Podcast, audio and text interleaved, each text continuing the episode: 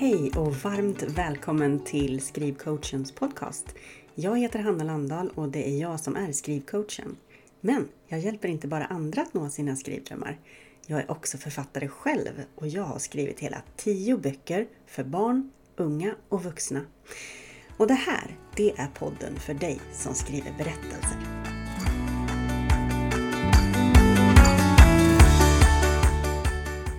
Hej! Jag är lite trött idag. Det är tisdag och i lördags så hade jag eh, min tioboksfest. Oh, herregud alltså. Tänk! jag har släppt tio böcker. Det är helt galet. Jag kan inte riktigt förstå det.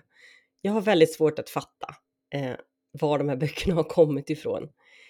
Så jag känner mig lite trött nu. Det var en helt fantastisk tillställning som jag hade och det kom kompisar till mig, vänner och familj som reste från olika ställen runt omkring i vårt avlånga land eh, och de kom för att fira mig och mina böcker. Och det var bara helt fantastiskt. Och det här var alltså första gången som jag har haft eh, någon releasefest överhuvudtaget. Eh, Ja, och, och, den tionde boken är ju då Branden, min ungdomsroman som kom för några veckor sedan. Eh, men det har liksom inte blivit av det här med att ha någon, någon releasefest. Och det är väldigt synd. Men först så var det väl egentligen så att jag inte hade eh, ro att stanna upp och fira. Eh, och så är det ju ofta. Jag har svårt att stanna upp och fira våra framgångar. Så att med mina första böcker så var det väl så att jag helt enkelt skrev klart en bok och började egentligen på nästa bok redan innan den första var klar. Så när den boken kom, alltså liksom, den första boken kom, då var jag redan inne i eh, att skriva på den andra boken. Och så rullade det på så för mig. Så att jag har liksom aldrig egentligen stannat upp för att fira och tänka tillbaka och vara glad över det jag åstadkommit. Det kan jag känna är lite synd nu. För sen, kom ju, sen tänkte jag faktiskt att jag skulle göra det. Eh, jag skulle stanna upp och fira lite mer, bli bättre på det. Men då kom ju covid. Och då vet vi ju alla hur det gick. Det var ju ingen att fira. Något litet firande på Instagram känns ju lite sorgligt ändå. Eh, så att eh, det blev ingenting där heller då. Men sen när den här tionde boken började närma sig släpp så kände jag att jag, jag måste göra någonting för det här. Det, man kan inte skriva tio böcker och bara låta det gå förbi. Eh, så jag bestämde mig för att hålla den här festen och det kom ungefär 30-35 personer på min fest eh, och jag är så himla himla glad och tacksam för alla som kom och hjälpte mig för att hade de inte tackat ja eller ja, var tvungna att göra en massa andra saker så hade jag ju aldrig stannat upp. Jag känner mig jättetrött den här veckan. Jag får liksom inte så himla mycket gjort. Nu sitter jag ju här och pratar med dig, men, men det känns ändå som att jag, eh, det, det blev en otrolig urladdning för mig, eh, den här festen. Men jag är också oerhört glad Eh, och jag har fått så mycket bilder skickade till mig från mina nära och kära eh, som har, har tagit bilder och spelat in talet jag höll och så vidare. Eh, och nu tänker jag att jag ska spara de här minnena eh, och ta fram dem ibland eh, och faktiskt påminna mig om vad jag faktiskt har åstadkommit. Eh, att ha skrivit en bok är helt fantastiskt. Att ha skrivit två böcker är helt fantastiskt. Och jag vet ju det. Och att skriva tio böcker, det hade jag aldrig någonsin trott att jag skulle göra. Alltså när jag började skriva så tänkte jag ju bara på den boken som jag skrev just då. Jag ville egentligen bara testa om jag kunde skriva en bok. Eh, och det kunde jag ju, visade det sig. Så jag fortsatte bara. Och hade, har egentligen aldrig haft något sånt här ordentligt mål eh, med eh, vart jag ska komma liksom. Jag har bara haft idéer och jag har haft eh, ja, idéer till berättelser som jag då har, har skrivit. Men jag har inte haft något långsiktigt författarmål. Och är det någonting som jag känner att jag skulle göra annorlunda idag så är det kanske just det. Att sätta upp lite mer långsiktiga mål för, för skrivandet. Jag önskar att jag hade gjort det. Jag tror att det hade hjälpt mig i min liksom, författarkarriär. Ehm, därför att jag har skrivit för alla åldrar kan man säga. Jag har skrivit en bok för åldern 6 till 9, två böcker för åldern eh, 9 till 12, två böcker för åldern 12 till 15 och fem vuxenböcker. Eh, och jag har gjort det här därför att jag eh, tycker att det är roligt att hitta på eh, eller komma på nya utmaningar för mig själv, se vad jag kan göra. Jag tycker också om att göra nya saker, vilket gör att jag har, eh, ja, jag tycker om att testa nytt, se om jag klarar av det. Eh, och eh, det, därför har jag liksom vänt mig till olika målgrupper. Jag har testat att skriva olika slags böcker. Men det har också ett pris, eh, det här testandet. Därför att det leder också till att det är svårt för andra människor att placera mig i ett fack. Och det har någonstans varit ett mål för mig också. Att det ska ha, ska, liksom, jag har oerhört svårt att placera mig själv i ett fack. Jag har alltid haft det. Eh, och, och, det har ju visat sig senare att det, det har ju att göra med att jag faktiskt har en ADHD-diagnos som jag fick för bara ett år sedan. Eh, men så det här med fack är liksom inte min grej. Men det som är problemet är att eh, som författare så behöver man ju göra sig ett namn. Och även om det inte ska liksom vara någon drivkraft i sig kanske, utan skrivandet bör vara själva drivkraften, eh, Eh, så har det ju en poäng att eh, man gör sig ett namn. För om man inte gör sig ett namn, då är det ingen som vet att man finns och vem ska då läsa ens böcker? Eh, det finns en poäng att placera sig själv i ett av de där facken, att kunna berätta för omvärlden att jag är en feelgood-författare, jag är en, en ehm, författare som skriver för, för barn i slukaråldern, eller jag är en författare som skriver bilderböcker, eller jag är en författare som skriver för ungdomar. Eh, jag har snarare fått presentera mig som jag är en författare som skriver för alla åldrar. Ja, det kan man ju säga.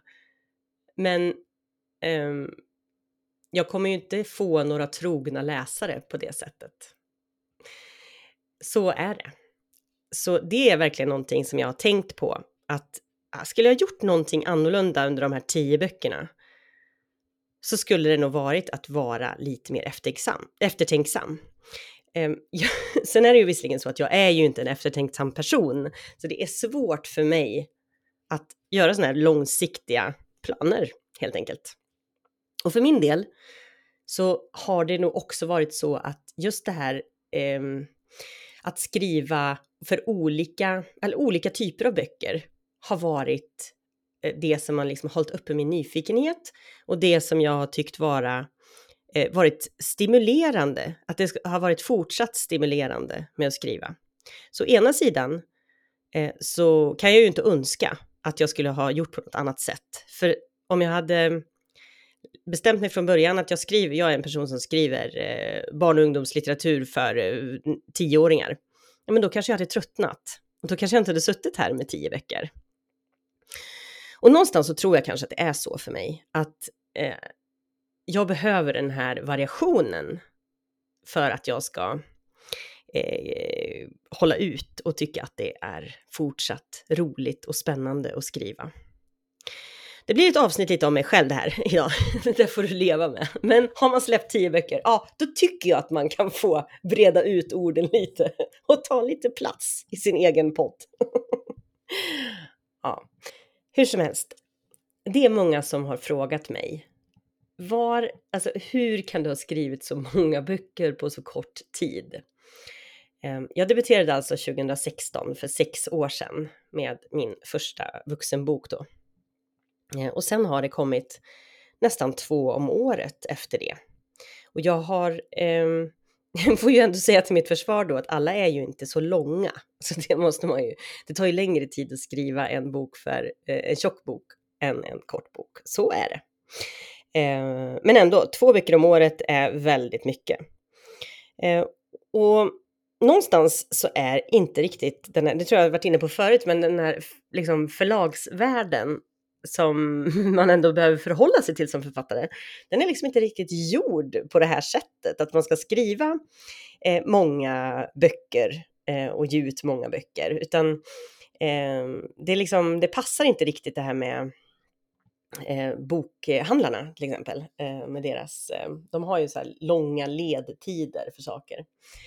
Eh, men, men för mig som då har ADHD, har det ju visat sig, och eh, det, det fungerar inte riktigt att eh, vänta så mycket som man behöver göra. Och därför har jag ju då liksom fortsatt att skriva eh, under de här långa väntetiderna som har varit då i, eh, i bokprocessen eh, när, när mina böcker har varit hos, mina manus har varit hos förlagen och så vidare.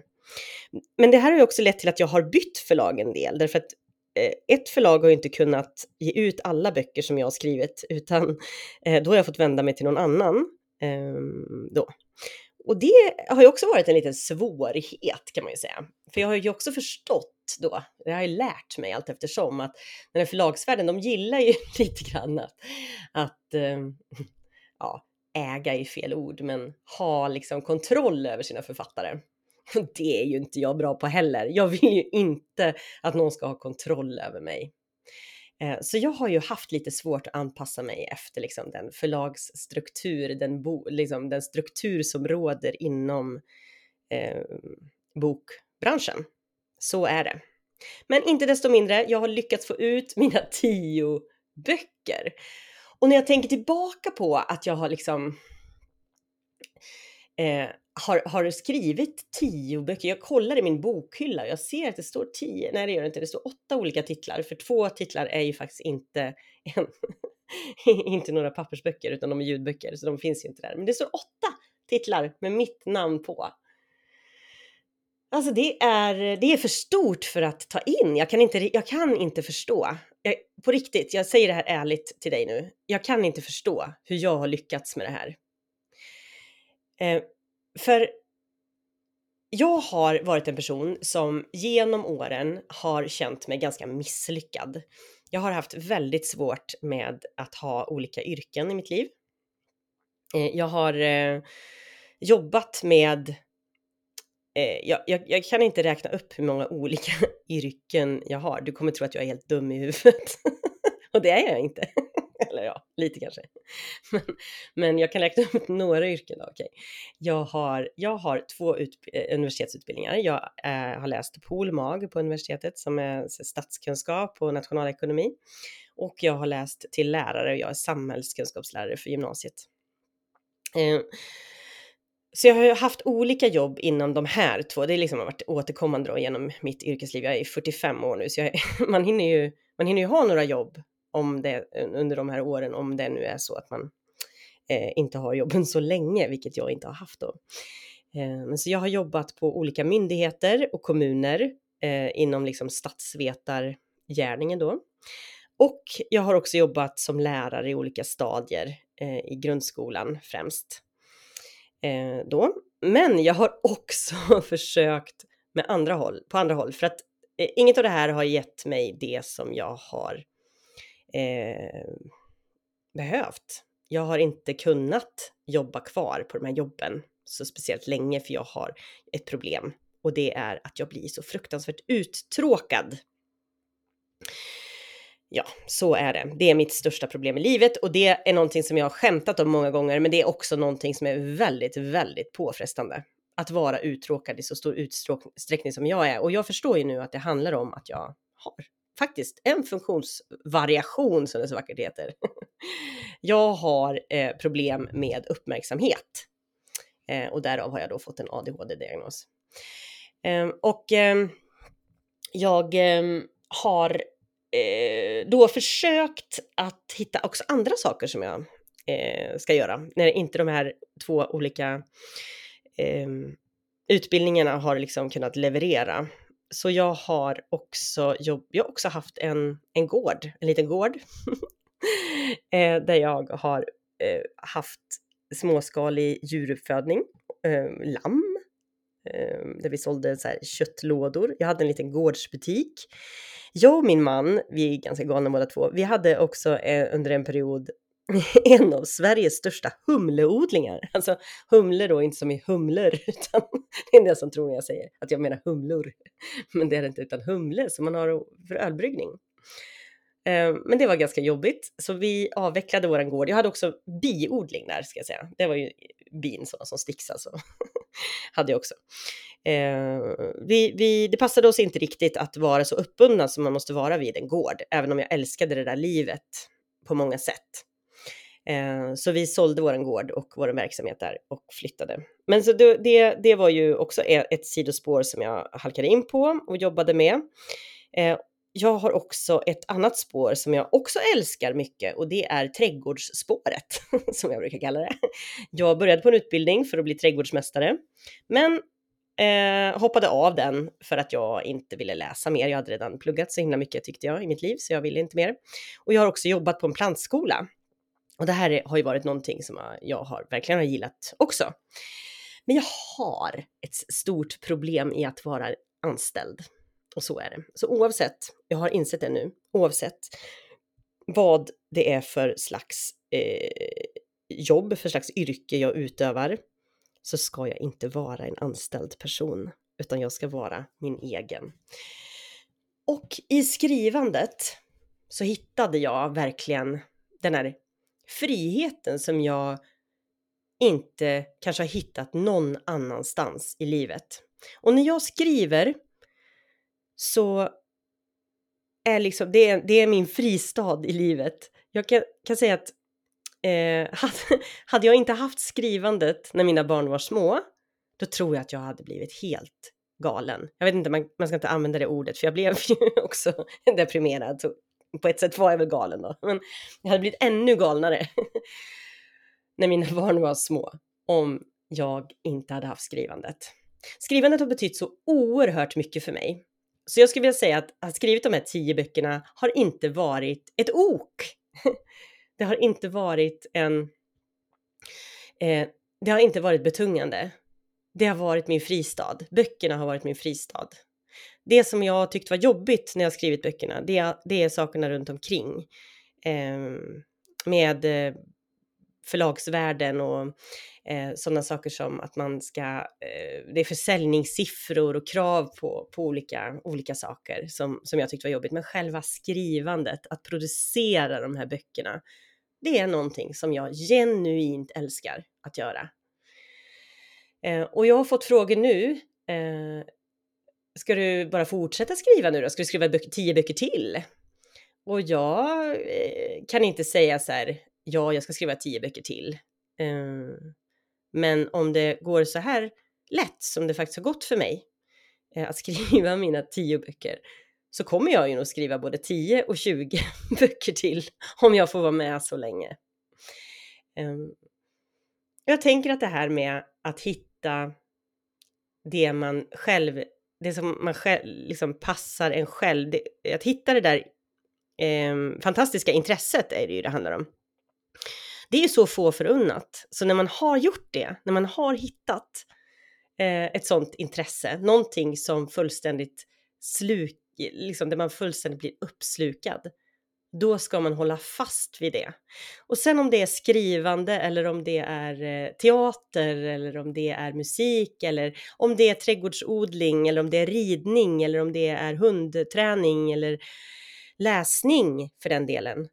Vad det än må vara så ska man hålla fast vid det. Ehm, och försöka för det, det, är klart att för mig har det ju inte varit så att det har varit lätt att skriva alltid de här eh, tio böckerna. Så är det ju inte. Det, så kan jag tänka nu att det kanske det, att det har varit, men det har ju förstås inte varit. Det är klart att det har funnits perioder när jag bara har velat bli klar också. Men att då försöka leta, tillbaka, leta sig tillbaka till den här kärnan, den här ursprungskärnan av ren och genuin glädje och frihet, vilket är, skri, liksom, som är det som skrivandet symboliserar för mig. Det har, eh, det är liksom, det vill jag råda alla som skriver eller har något annat intresse. När det, när det där, den där, det där, att leta sig tillbaka till det som, som var själva anledningen till att du började skriva från början eller började musicera eller vad det nu är du gör. Men om du har haft någonting som du har älskat, någonting som har fått eh, dig att blomma. Så låt ingen ta dig ifrån dig. Låt inte vardagsbestyren eh, ta dig ifrån dig. Låt inte liksom livet, jobbet, allt kraven ta dig ifrån dig.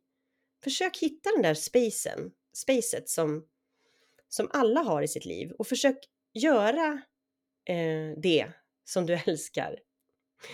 Ja, det kom det ett litet sånt visdomsråd då från någon som har skrivit tio böcker. Men ge inte upp.